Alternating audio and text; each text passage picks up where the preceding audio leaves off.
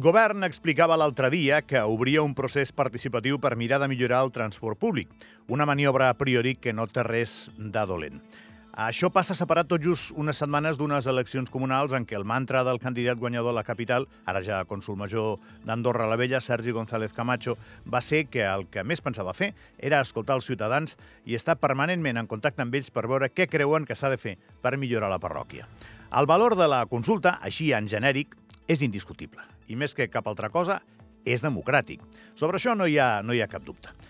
Però, com totes les coses, també les que són bones a priori, té lletra petita.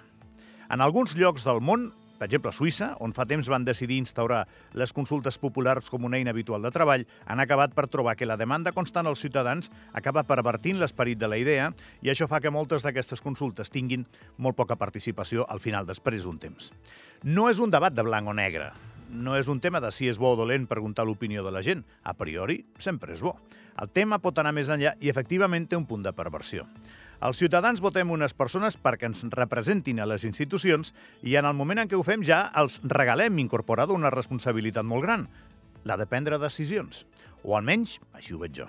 Calen persones preparades per defensar polítiques incòmodes a nivell local o nacional, persones que actuïn pensant en el benefici general i en el seu criteri.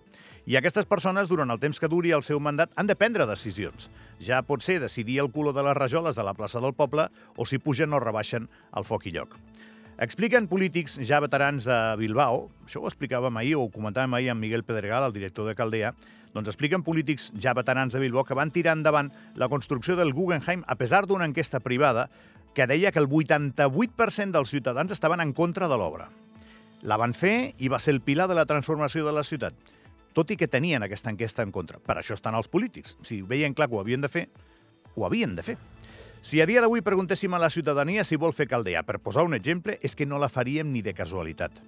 N'estic absolutament convençut. Els motius serien diversos, però passarien pels calés que costa, per l'estil arquitectònic de la instal·lació, etc etc etc. I el no a Caldea guanyaria, estic segur també, no ho puc demostrar, per tant ho puc dir alegrement, eh? per 80-20. Això és el que crec jo que passaria amb una enquesta sobre Caldea. Dona per pensar, eh? Aleshores, què voleu? Que us ho consultin gairebé tots els polítics o que decideixin?